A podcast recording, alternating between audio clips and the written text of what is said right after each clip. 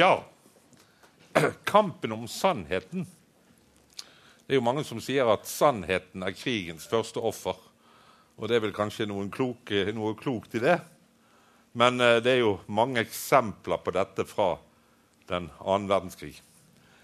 Det er én ting som ikke er så forskjellig fra vår tid. Vi lurer jo på hvordan i all verden kunne menneskene greie seg uten TV, for ikke å snakke om Internett. Jo, de klarte seg med noe nytt de hadde fått i hjemmene sine nemlig radioapparater med radiorør. 1920-årene hadde vært krystallapparater med sånne høretelefoner. Nå har du fått høyttalere, og du hadde fått bølgevelgere, og du kunne lytte til utlandet. Du kunne lytte til Hilversum og Motala og alle mulige rare stasjoner på mellombølgen. Langbølgen, kortbølgen og fiskeribølgen. I det hele tatt, Hver eneste radioapparatinnehaver var jo en egentlig sånn radiooperatør som kunne lytte på hele verden. Så liksom, De virkelig gamle radiolytterne er ikke så forbauset når liksom, barnebarnsbarnet kommer med PC-en sin og sier det flott, jeg kan laste ned rockestasjoner fra San Francisco. Ja, Men vi kunne jo høre på russisk radio på Radio Moskva, vi kunne høre på engelske sendinger på norsk, og vi kunne jo høre på sendinger fra Tyrkia for den saks skyld. Altså, Radioen var jo selvfølgelig NRK, da, stort sett. Men det var jo et samlingspunkt. Det var store radiokabinetter, det var store høyttalere.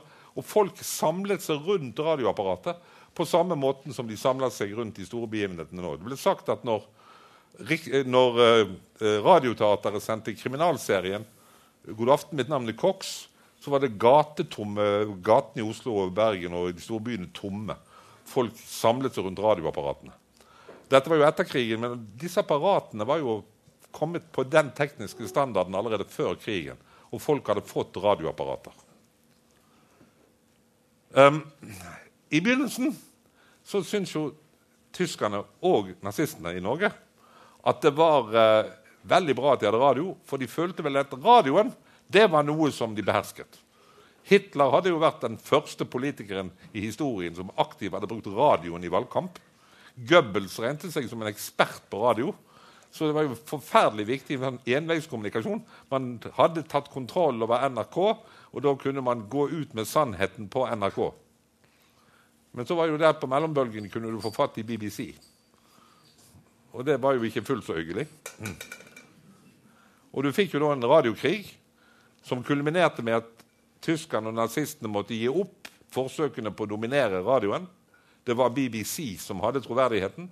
Og Resultatet var jo da en herostatisk forordning av 2.8.1941. Der kunngjør NS-regjeringen at inndragning av alle radioapparater Folk skal mot straffeforfølgelse levere inn sine radioapparater. Og det er bare medlemmer av NS som får lov å bevare, be, be, beholde radioapparatene. Det vil si, Hvis du kommer inn i hjemmet til en fyr og du ser et radioapparat, så vet du han er NS-medlem. Du vet han er landssviker. Det, ble jo litt pussig. Men så leverer jo folk inn radioapparatene, og her ser vi jo mengden av radioapparater. Og det var forferdelig. Jeg husker mine best, Vi hadde en radionette hjemme som mine foreldre hadde kjøpt etter krigen. Men min, eh, min eh, mor, eh, morfar og min mormor de hadde fått konfiskert sitt radioapparat. Og det hadde vært et radionett, et norskprodusert radionettapparat de var så glad i. Og så hadde de ikke fått det tilbake igjen. De hadde fått et tysk Telefunken-apparat som de hatet, og som de hadde til sin død.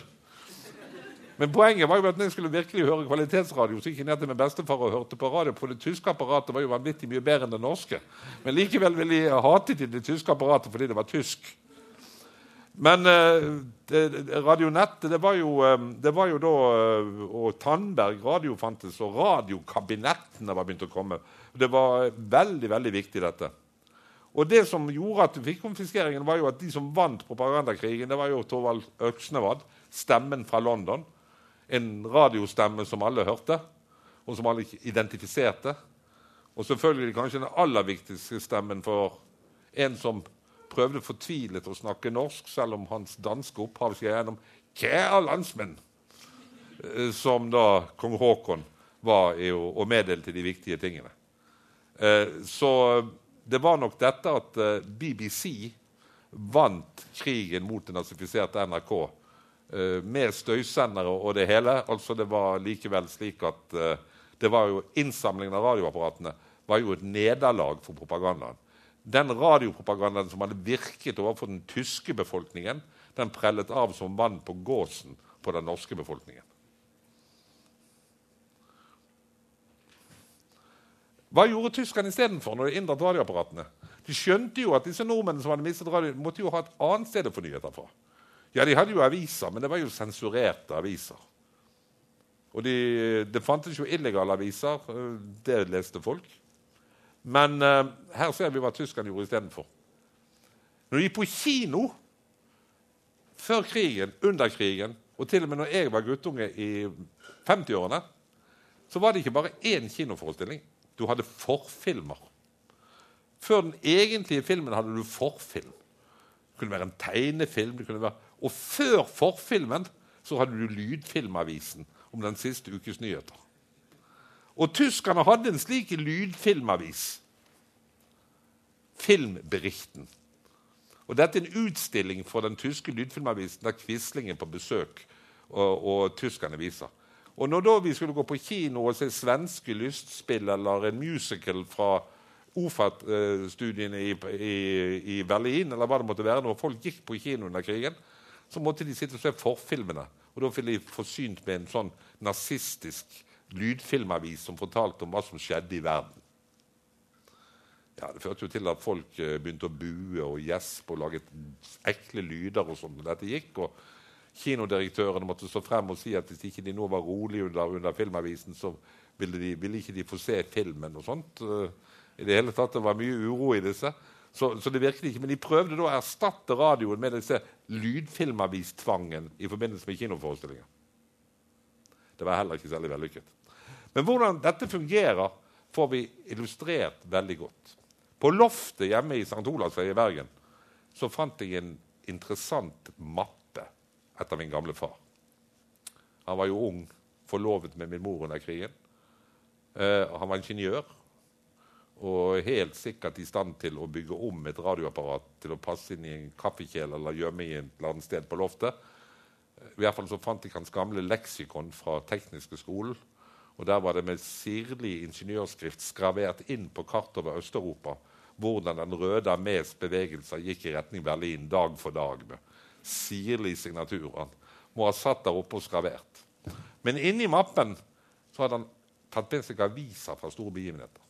Han hadde jo alle bergensavisene fra 9.4.1940. Men så var det to begivenheter til han hadde. Det var eksplosjonsulykken, og så var det Hole skole. Og Da hadde han samlet alle de avisene som kom ut offisielt. Bergens Tidenes utgave, ikke sant? Morgenavisens utgave. De avisene som kom ut og som var underlagt tysk sensur. Men så hadde han også tatt vare på de illegale avisene. De hemmelige avisene. Og lagt i samme mappen. Ja, hva var Hole skole? Jo, det var jo en tragisk britisk feilbomming. Britene skulle bombe ubåtbunkeren på Laksevåg. Og istedenfor å treffe ubåtbunkeren, så traff de en folkeskole. Og Der rammet de de aller minste elevene, første- og andreklassingene. 67 av 350 elever på skolen ble drept i bombeangrepet. To lærere og en rekke av redningsmennene som fikk bygningsmesse over seg for de var i sin iver etter å redde frem ungene. Det var en scene som fra Aleppo i dag etter en tønnebombe. liksom. Og dette var jo engelske fly som hadde feilbombet. Og selvfølgelig skrev jo da Bergens Tiden og Morgenavisen under tysk kontroll sannheten i den forstand at ja, det var engelske fly som hadde bombet eh, Hole skole. Eh, utvilsomt riktig at engelske fly hadde bombet Hole skole og drept alle disse barna. Men da er det en ting man undervurderer. De illegale avisene. For de hadde da spinn. Og deres spinn var følgende. Jo, det var uheldigvis engelske fly som hadde truffet bombe ved skole. Men det var tyskerne sin skyld, for de hadde bygd ubåtbunkeren så nær Hole skole. Hvis vi nå tar en flash forward folkens, til konflikten i Gaza Dere skjøt på en FN-skole. Nei, det er ikke vår skyld.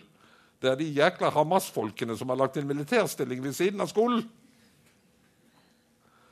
Så Det å bruke dette argumentet det kan du bruke i konflikter helt uavhengig ut av, ut av spinnet. Men poenget var jo at bergenserne ville tro at det var tyskernes skyld.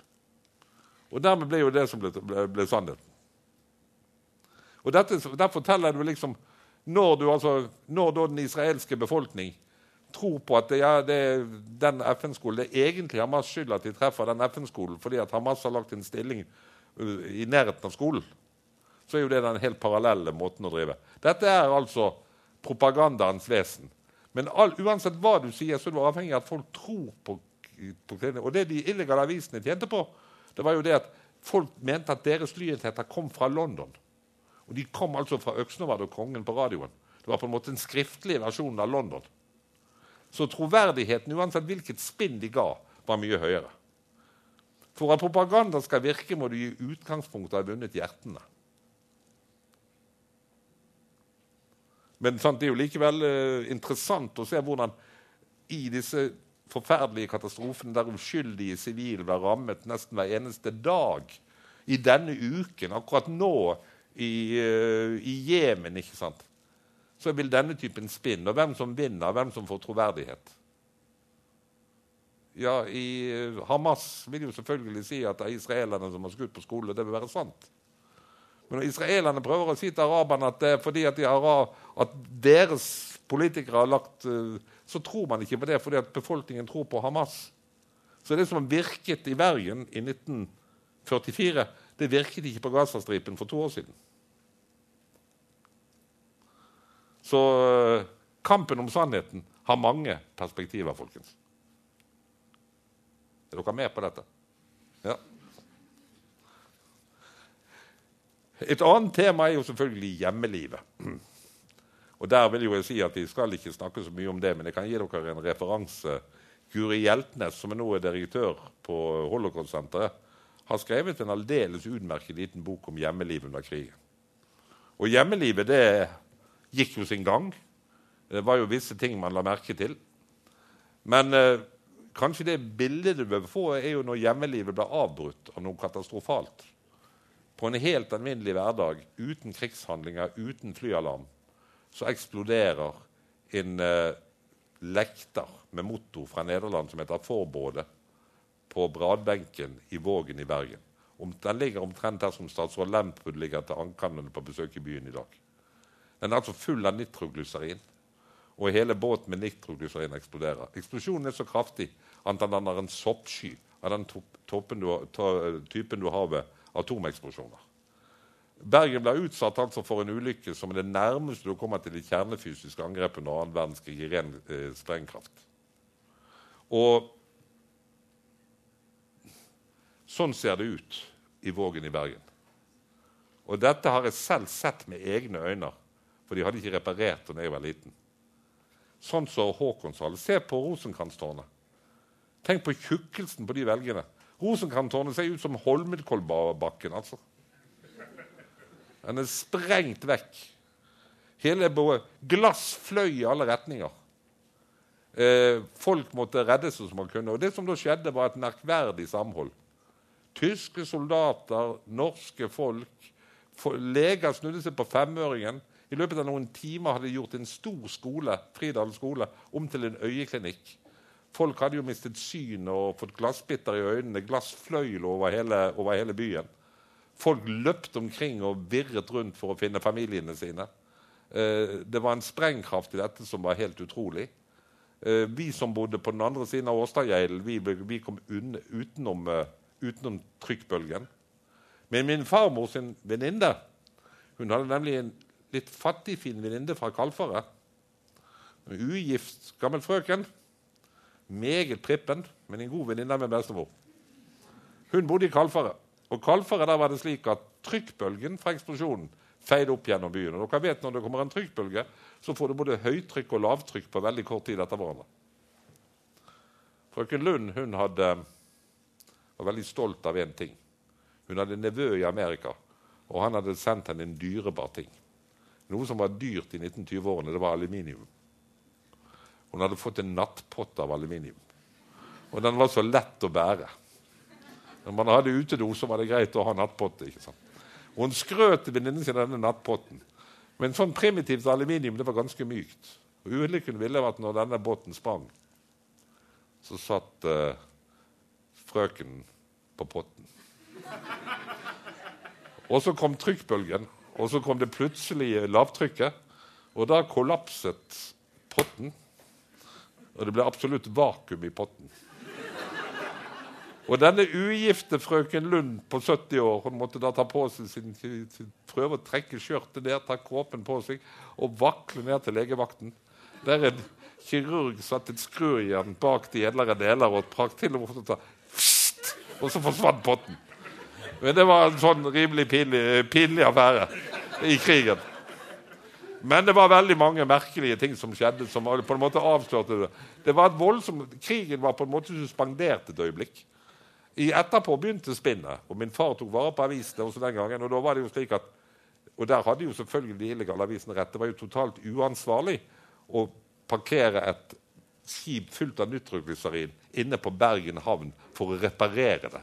Burde jo skjedd langt utenfor uh, tettbygd strøk. Du behøvde ikke være spesielt tilhenger av miljøbevegelsen for å innse det. altså. Eh, så, dette, så, der hadde jo for så vidt de illegale avisene rett, mens tyskerne så på det som en tragisk ulykke som de til en forandring ikke beskyldte engelskmennene for å ha gjort. Eh, men eh, poenget var jo at veldig mange mennesker ble reddet, og bergenssamfunnet var ganske velorganisert. De greide, det var på en måte omvendt den 9. april. Til tross for det totale kaos så ble det veldig fort orden på denne saken og norske myndigheter og hjemmefront og tyske soldater og alt sammen jobbet ganske hardt for å redde flest mulig mennesker. Så tapstallet ble ikke så store som de, man skulle tro. Man greide på en måte å holde våpenhvile når den helt store katastrofen inntraff. Men hverdagslivet førte jo da til husløse. Min farfar hadde bygd seg en lite hus oppe i Søndre bydel. Da var det to treværelsesleiligheter i to etasjer, en liten kvist og noen rom i kjelleren. Og vi fikk en familie i første etasje, vi fikk en familie på kvisten, vi fikk en familie i kjelleren. Og mine foreldre når jeg vokste opp, de måtte, jeg vokste opp på ett rom fordi at huset var fylt av eksplosjonsflyktninger. Alle husene ble fylt, så jeg har opplevd å bo på ett rom som en følge av eksplosjonsulykken. Og dette er sånn som man gjorde det i en tilsvarende bombing i Oslo. Dette er hvordan husløse måtte tilbringe natten etter de var bombet. Dette er ikke lik i en konsentrasjonsleir. Dette er norsk Oslo-borgere som er blitt bombet ut av hus og hjem.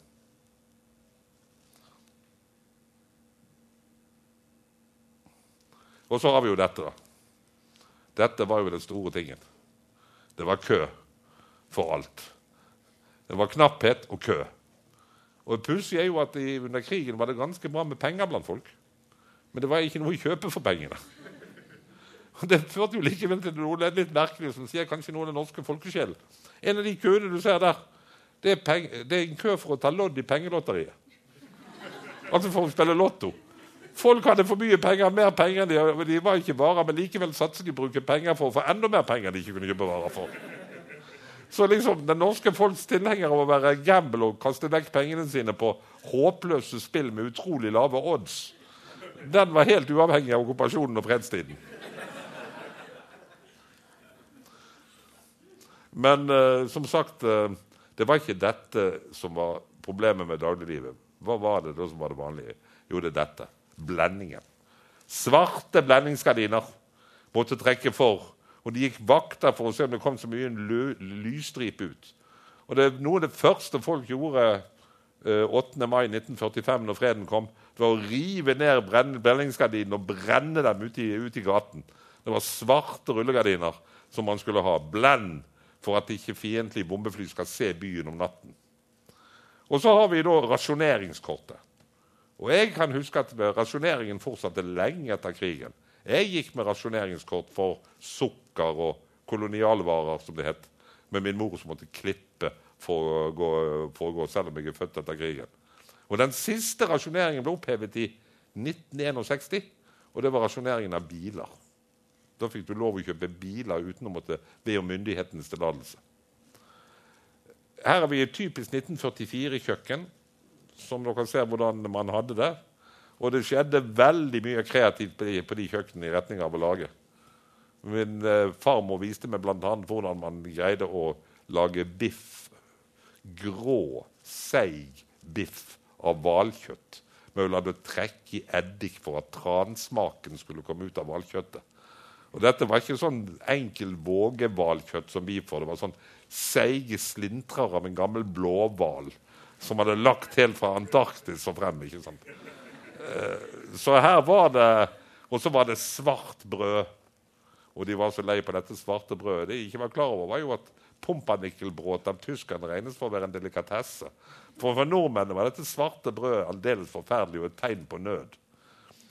Men folkehelsa har jo aldri vært bedre enn under krigen. Det var jo fryktelig sunn mat folk spiste. Men så var jo dette her da at um, det var jo ikke det de savnet mest. Snakket du med krigsgenerasjonen? Og Gud skal vite at jeg har snakket med krigsgenerasjonen i oppvekst. Og jeg spurte dem hva de savnet. Hva var det de savnet? Det var dette. Tobakken. Tobakken var forferdelig. Det å være noe så utrolig som en ikke-røyker under krigen hvis du var mann, det var du garantert popularitet. For da kunne du bruke tobakkskortet ditt og gi til andre. Og det var sikkert tobakksmangel. Det var rapporter om fiskere i noe som nektet å ro fiske. Lå seg i sengen og stirret tomt inn i veggen av ren nikotinsug. Tobakk var et byttemiddel som var mer verdt enn penger. Det var jo sånn at Folk skjønte jo at de kunne jo ikke ha likestilling her, så du fikk egne tobakkskort for menn. For ellers ville jo alle forsøke å forføre kvinner for å få fatt i tobakkskortene deres. Men det som skjedde, var jo da at vi, Norge, spesielt Vestlandet, ble til Virginia. Bøndene begynte å dyrke tobakk. Og her har vi tobakksutsalg der man har tobakksblader. Så det er nesten ikke et småbruk på Vestlandet der man ikke drev med tobakk. Min far var forlovet med min mor, og han var en rimelig nøktern mann. Men han fikk overtalt min mor til hun hadde da en søster som hadde gard at hun måtte frivillig reise inn på gården for å tilby seg å luke i tobakksåkeren. Og lønna hennes skulle være blad som hun kunne ta med hjem til far. Og det, var, eh, så, så, det fantastiske er at det var nytelsesmiddelet man savnet. Og ikke de, Selv om det var for lite smør og for lite sukker og andre nyttige ting, så var det nytelsesmiddelet man savnet. Det var i og for seg nok brennevin under krigen, for det greier alle nordmenn å få fatt i uansett. Men her har vi jo noe som irriterte, selvfølgelig. Disse karene her fra Wehrmacht de kunne jo gå og forlange varer uten, uten rasjoneringskort. Man ser jo at ekspeditrisen er ikke spesielt strålende. Så har vi jo noe annet som er dagliglivet med krigen pengene. Ja, Tyskerne hadde jo en konto i Norges Bank, så de kunne jo trekke penger. De hadde kontroll over pengepressen. Altså Uten var det et totalitært regime, så de kunne jo bestemme hva pengenes verdi var. Så pengemengden var jo vanvittig. og Det var jo da i perioder at man også lot eh, lokale kommuner trykke småpenger. Femkronesedler og tikronesedler og sånn ble trykket til. I Narvik hadde man på et tidspunkt seks forskjellige eh, pengesedler. I Bergen hadde man disse pengesedlene. og i, Før de tyske troppene fra Ost Østlandet kom i kontakt med de tyske troppene fra Vestlandet, så utstedte man pengesedler i Bergen med tittel 'Freistadt Bergen'. Og selv de mest antinatiske bergensere syntes det var litt kult.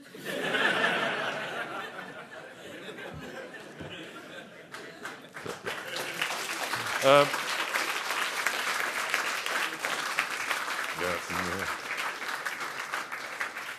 men så har vi jo altså noe av det utrolige. Vi tar nå blikket til London. For det var ikke bare rare ting som skjedde i, i uh, Norge, men det var jo også behov som folk hadde blant de, utetroppene. Mange av englandsfarerne som har kommet seg over, de var jo gift i Norge. Og Krigen trakk i landdrag, og det ene året gikk etter det andre. og Kjødets lyst begynte å gjøre seg gjeldende. Og Det fikk da London-regjeringen til å fatte følgende provisoriske forordning, dvs. Si lov inntil Stortinget kom sammen igjen. Skilsmissen skjer ved dom, med mindre ektefelle er enige om å overlate avgjørelsen til departementet. Dette, treffe, denne, dette altså departementet, kan også treffe avgjørelse i saken når en av ektefellene søker om det, eller det pga. krigstilstand eller andre særlige forhold ikke er mulig å få forbindelse med den andre ektefelle. Dvs. Si, en hvilken som helst norsk soldat i Storbritannia kunne gå på puben seg, som er gift i Norge, finne seg en engelsk jente, gifte seg med henne, og så si at dessverre han, han har ønsket å skille seg med kona i Norge, men han kunne dessverre ikke få fatt i henne. Slik at når da kona stod og lengtet på at mannen skulle komme tilbake fra England i 1945, så kom han tilbake og fortalte kona at han var gift allerede i England. Derfor blir jo dette kalt for uh, kong Haakons bigamilov. Og Grunnen til at man gjorde dette, det var jo det at det var av hensyn til kampmoralen til de norske troppene. Men det, jo, det, var jo ganske tragisk for en del kvinner, da. Enten de var engelske eller den norske parten. Så Gubben kunne, kunne, velge og vrake hvilken av ekteskapene han ville ta hensyn til. Men det forteller jo ikke at, hva, hvilke ting man gjør i krig. ikke sant? Det er jo eksempler på, på ting. En annet element som også har sammenheng med dagliglivet, er jo selvfølgelig økonomiske interesser og svartebørs. Og det var jo folk som ble straffet under krigen for å ha gjort såkalt tyskerarbeid. Gjerne små håndverksbedrifter. Så kan man jo si ville det være Var alt tyskerarbeid hadde vunnet? Vel, eh, Sørlandsbanen ble bygd av tyskerne. Uh, altså fra Stavanger til Kristiansand. Um, og aluminiumsverket i Årdal ble bygd av tyskerne. Jeg har aldri hørt at de radikale arbeiderne i Volvo er bekymret over at de jobber på en fabrikk laget av tyskerarbeid. Eh, Norsk Hydro i det hele tatt gjorde jo både det ene og det andre. Um, men de gjorde det stort sett på kontrast. Men svartebørsen var ille. Så her har vi et, opp, et, opprop fra hjemmefrontens bondegruppe. Altså det hjemmefronten, det regimets mål. Bekjemp svartebørsen, hjelp, men hjelp der dere kan, og der det trengs. Det gode forhold mellom by og land står på spill. Da får bøndene beskjed om at det å gjemme unna mat og selge det til ågerpris altså til høy pris til rikinger som har råd til det, det er forbudt. Men hvis du har en fattig slektning, så må du gjerne kunne gi vedkommende fleskestykke. Og det som skjedde, var jo at alle har et søskenbånd på Gjøvik i Norge, som Prøysen sier. ikke sant? Og folk hadde slektninger på landet, som vi sa i Bergen. Og vi reiste på landet. Og da hadde du onkel Hans, onkel Nils og onkel Petter som var gårdbruker. Og du fikk da noen egg med deg hjem til Bergen, og en klatt med smør og en skinke. Og så kom du til kaien, og der sto hirden til Quisling. Og deres jobb var å ta fra dem eggene og skinken. Og jeg har snakket med gamle herdfolk. Det var den verste tjenesten de gjorde. De følte seg så lusne. De følte de, de gikk hjem og liksom de snek seg gjennom bakgatene mens de tok av seg uniformen. Altså De syntes det var så pinlig. For det var jo matauk, som du sier. ikke sant? Det var jo et brudd på bestemmelsene. Men det var jo ågerpris. Det var jo grossereren som fikk kjøpe en halv gris til 5000 eh, kroner av en bonde som ikke hadde meldt fra til forsyningsmyndighetene. Men interessant er jo at kampen mot svartebørsen det var en kamp som ble delt både av hjemmefronten og av Quisling-regjeringen. Her har vi jo da Forsyningsdepartementet i alt 0,2 ml skummet melk eller kjernemelk til hver voksen eller ungdom for uken 15. til 18. oktober 1944. Da skummet og kjernemelksalget bare foregår i hele og halve flasker, skal et for lite eller for stort ukekvantum jevnes ut av utsalget i påfølgende uke. Altså Her er det da snakk om ganske små altså To desiliter uh, skummamelk, altså. Det er ikke så mye. Så har vi de store guttene som ikke ble dømt for landssvik. Norsk Hydro. Eh, direktør Aabert her borte. Og her har vi jo da selvfølgelig Norsk Hydros hovedkvarter i Oslo og direktørboligen på Herøya og den berømte tungtvannsfabrikken. Så kan man jo selvfølgelig si til deres unnskyldning at uh, de hadde jo ikke noe alternativ. til Hvis tyskerne forlangte at de skulle jobbe for dem, så måtte jo fabrikkene gå. Men det gjaldt jo den lille håndverkeren som ble anklaget for tyskerarbeid og straffet også. Han ville jo også kunne straffes av tyskerne hvis han nektet å være snekker eller maler på et tysk anlegg. Så selv om landssvikoppgjøret er bedre enn sitt rykte, så er det økonomiske landssvikoppgjøret ikke alltid like rettferdig. Det var nok de små som ble tatt, og de store bedriftene som slapp unna. En bedrift som Norsk Hydro den var too big to be a traitor. Det er noen som snakker om banks that are too big to fail. Norsk Hydro var too big to be a traitor. Så eh, det der økonomiske landssviket det burde man kanskje holdt seg unna. Og nøyd seg med de politiske forbrytelsene snarere enn det andre. Det var en økonomi, og mesteparten av den norske befolkning deltok i en økonomi som bl.a. hadde som formål å gi varer til den tyske krigsinnsatsen. Det var bare de nordmennene som av og til sprengte anlegg, slik som tungtvannssabotørene gjorde det, som av og til hindret dette. Men det var jo først i ytterste konsekvens når man var livende redd for at Tyskland skulle få atombomben, at man gjorde denne innsatsen for å sprenge hydroanleggene. Stort sett lot man jo da tyskerne få lov å produsere aluminium på aluminiumsverkene og jern på jernverkene og andre nyttige ting til den tyske krigsproduksjonen. Og nordmenn arbeidet med dette. Men det, det som er problemet med og Jeg kan godt tenke meg å straffe folk som driver med tyskerarbeid, men det å finne en konsekvent linje og finne ut hvem du skal straffe, det er veldig vanskelig i en sånn sak. Den politiske landssvikoppgjøret derimot har fått litt, kanskje mer urettmessig kritikk. Vel, vi er nå inne på nærmere oss konklusjonen etter hvert. Ser vi har fire minutter igjen, eller noe sånt. Vinner og tapere. Ja, Det er jo sånn i ettertiden at etter en krig så er det noen som vinner, og noen som taper. Retrospektivt vil det være veldig lett å finne taperne. Alle de som hadde gjort veldig lite, de var helter den 8. mai 1940. Og de som hadde valgt feil side, de prøvde å gjemme seg så godt de kunne. Men vi har noen historier. Dette er jo da Hjemmefronten har overtatt Akershus festning. Tyske kommandanten har overgitt seg til en mann i nikkers. Her har vi et ikonisk bilde. Dette er fra frihetsfeiringen. Se på dette. Kvinnene ute på sydvestlandskysten med flagg. Vi vet ikke hvem disse er, men for meg er dette som et maleri. Altså. Hva er det de venter på? Er det mannen som skal hjem fra England? Er det et spontant lite feiringstog? Eh, det er et eller annet uttrykk av dette bildet som gjør at det sier meg Det, det er så mye du kan tolke det i. Det er som et maleri. Dette er jo det vanlige 8. mai-bildet. liksom sånn Russefeiring av glade nordmenn gjennom Oslos gater. Som jo også er hyggelig. Men det maleriet der, denne kvinnen som står og stirrer ut mot vest med barneflokken Tenk om gubben er gift med en engelsk dame, men det får jo Altså Men uh, det er jo likevel noe, noe, grunnleggende interessant i det. Men her har vi en annen gruppe kvinner som står og stirrer over et annet hav. Dette er tyskertøser med sine barn. Norske statsborgere som er blitt strippet fra sitt statsborgerskap og skal uttransporteres til Tyskland for å leve blant de tyske ruinene. Altså, Vi tok fra kvinnene det norske statsborgerskapet. Straffen for kvinnene var på mange måter mye verre for bagatellmessige ting enn den var for menn.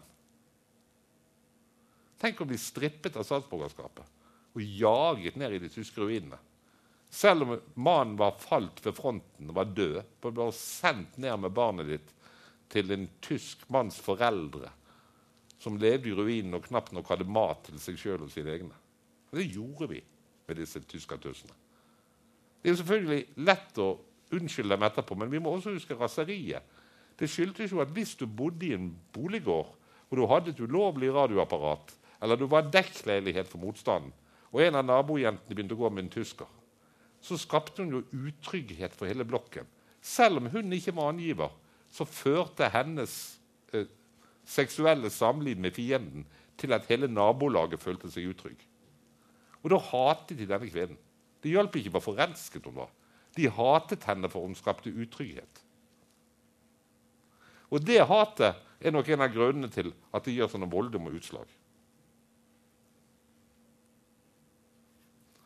8. mai 1945 så sitter en 19 år gammel kvinne fra Harstad i Tyskland og hører på radio om at de norske troppene har kapitulert. Hun har jobbet som renholder for tyskerne i Harstad. I 1944 ble hun tatt opp som sykepleierelev for Tysk Røde Kors og har tjenestegjort på feltlasaretter på østfronten. I krigens siste dager har hun pleid pasienter i Berlins ruiner men ble evakuert før det totale sammenbruddet. Hun reiser hjem, og der dømmes hun for landssvik den 8. 5. april 1948 med tap av statsborgerlige rettigheter for ti år. Hvem er denne kvinnen? Jo, Hanna Kvanmo, leder av SV, og en av deres mest folkekjære politikere. Altså Hun hadde utrolig popularitetsrating, og folk visste om henne. Så hun er jo enda et hakk mer interessant enn han ordføreren fra Lom. Men Hanna greide å leve det. Hun var en utrolig sterk personlighet.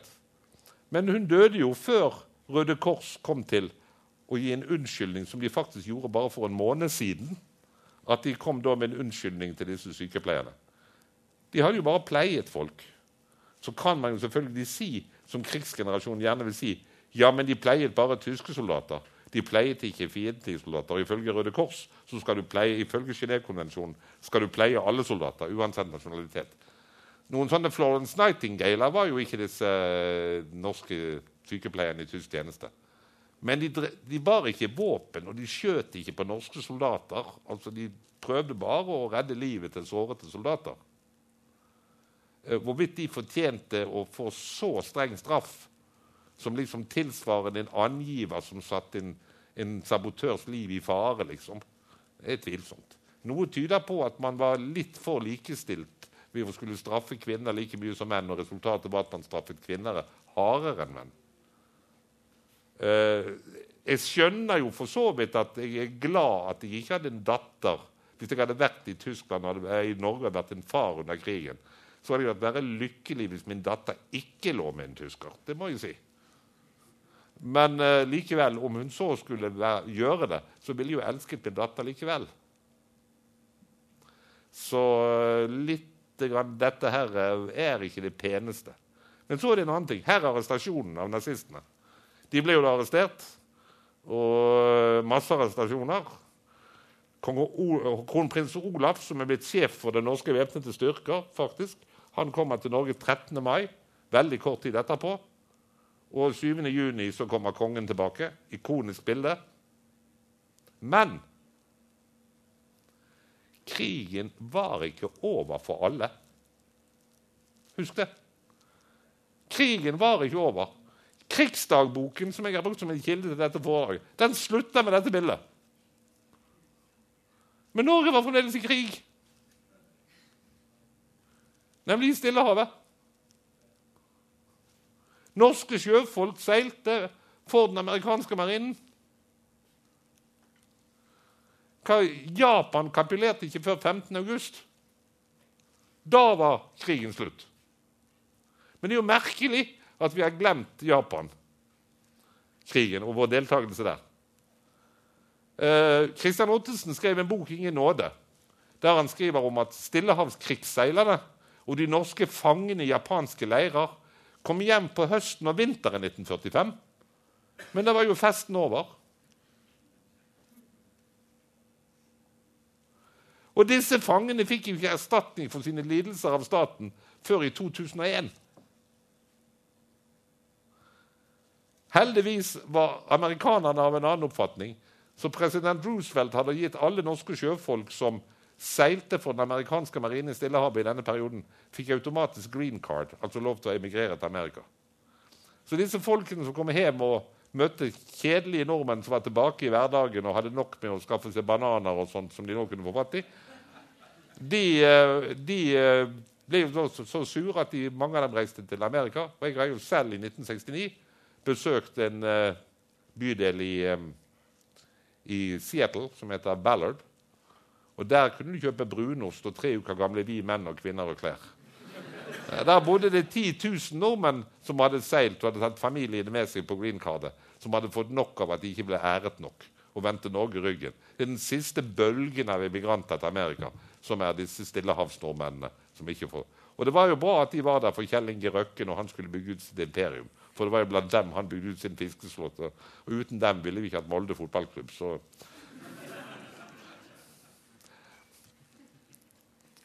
Vi er tilbake til, til lyset. Grønt, rødt og gult. Uh, Forræderiets problem. Vinnere som forble vinnere. Ja, selvfølgelig. Krigsheltene våre. Folk som Sønsteby og tungtvannssabotørene. Klart vinnere både før og etter krigen. Under og etter krigen. Tapere som forble tapere. Mange av de. Landssvikerne. De som fikk landsvikdommen, og aldri kom tilbake til den stillingen de hadde hatt før krigen. Aldri mist, mistet sin aktverdighet. Måtte ta en dårligere jobb, ble ikke ansett, ble sett ned på resten av livet. Stakkars tyskerungene som ikke hadde gjort noe galt, annet å være født på feil tidspunkt av feil foreldre. Men så har vi også noe merkelig noe. Disse frontkjemperne som hadde vært i sovjetisk krigsfangenskap og overlevd fangeleirer i Sibir, de kom tilbake og ble dømt til fengsel i Norge. Det er jo for så vidt greit. De var jo tapere. De ville jo gått inn, og de var jo ikke Guds beste barn. Men det er klart det er tapere som blir tapere. Men så er det noen tapere som blir vinnere. Vi har jo nevnt to stykker i dette foredraget. Det er de rehabiliterte, som rehabiliterte seg selv. Nemlig ordfører Aukrust og Hanna Kvanmo. Det er jo opplagt folk, veldig mange andre som hadde vært naziordfører eller Røde Kors-sykepleiere i tysk tjeneste, kom jo aldri tilbake i livet, forble tapere i, rest, i hele etterkrigstiden. Men disse to de klarte seg. Men så er jo kanskje det verste vinnere som ble tapere. Heltene som gikk dukken. Det var ikke noe som het posttraumatisk stressyndrom den gangen. Det var ikke køer av krisepsykiatere som sto klar til å hjelpe deg fordi du hadde fått flis i fingeren. De var marginaliserte. Jeg har møtt dem. Møtt dem liggende som alkoholikere på Korskirkeallmenningen. Tapre folk, torpedert fem ganger. Ødelagt av alkohol. Eneste som døyvet, var alkohol. Altså, de traumatiserte krigsseilerne som ikke fikk hjelp. Folk som gikk i hundene, selv om de hadde aldri så mange medaljer. Vi ser jo litt bilde av i Max Manus-filmen for dem som har sett den på slutten når han ligger ensom på et hotell i Oslo og bare drikker sprit. Inntil han riktignok ble reddet av sin, sin kvinne. Men uh, det er jo den veien mange av disse heltene kunne gått. Og det er jo også vi må tenke på at i det retrospektive perspektivet så har du helter og skurker. Men i det prospektive perspektivet så blir noen vinnere vinnere, noen tapere forblir tapere. Noen tapere blir vinnere, og noen vinnere blir tapere.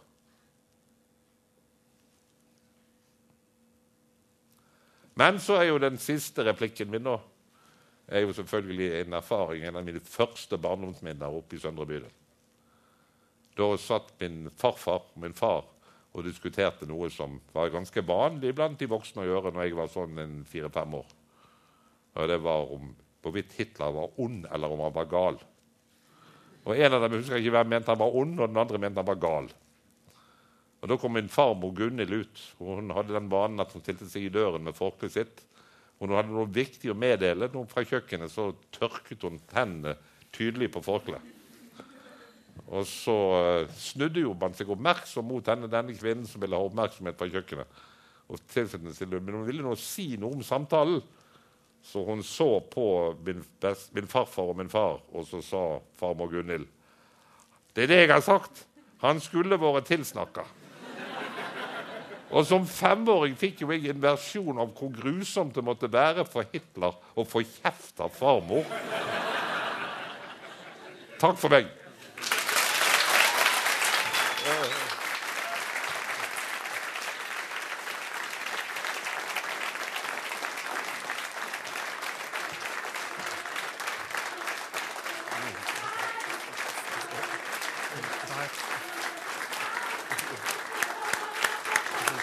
Bare stå, stå, stå,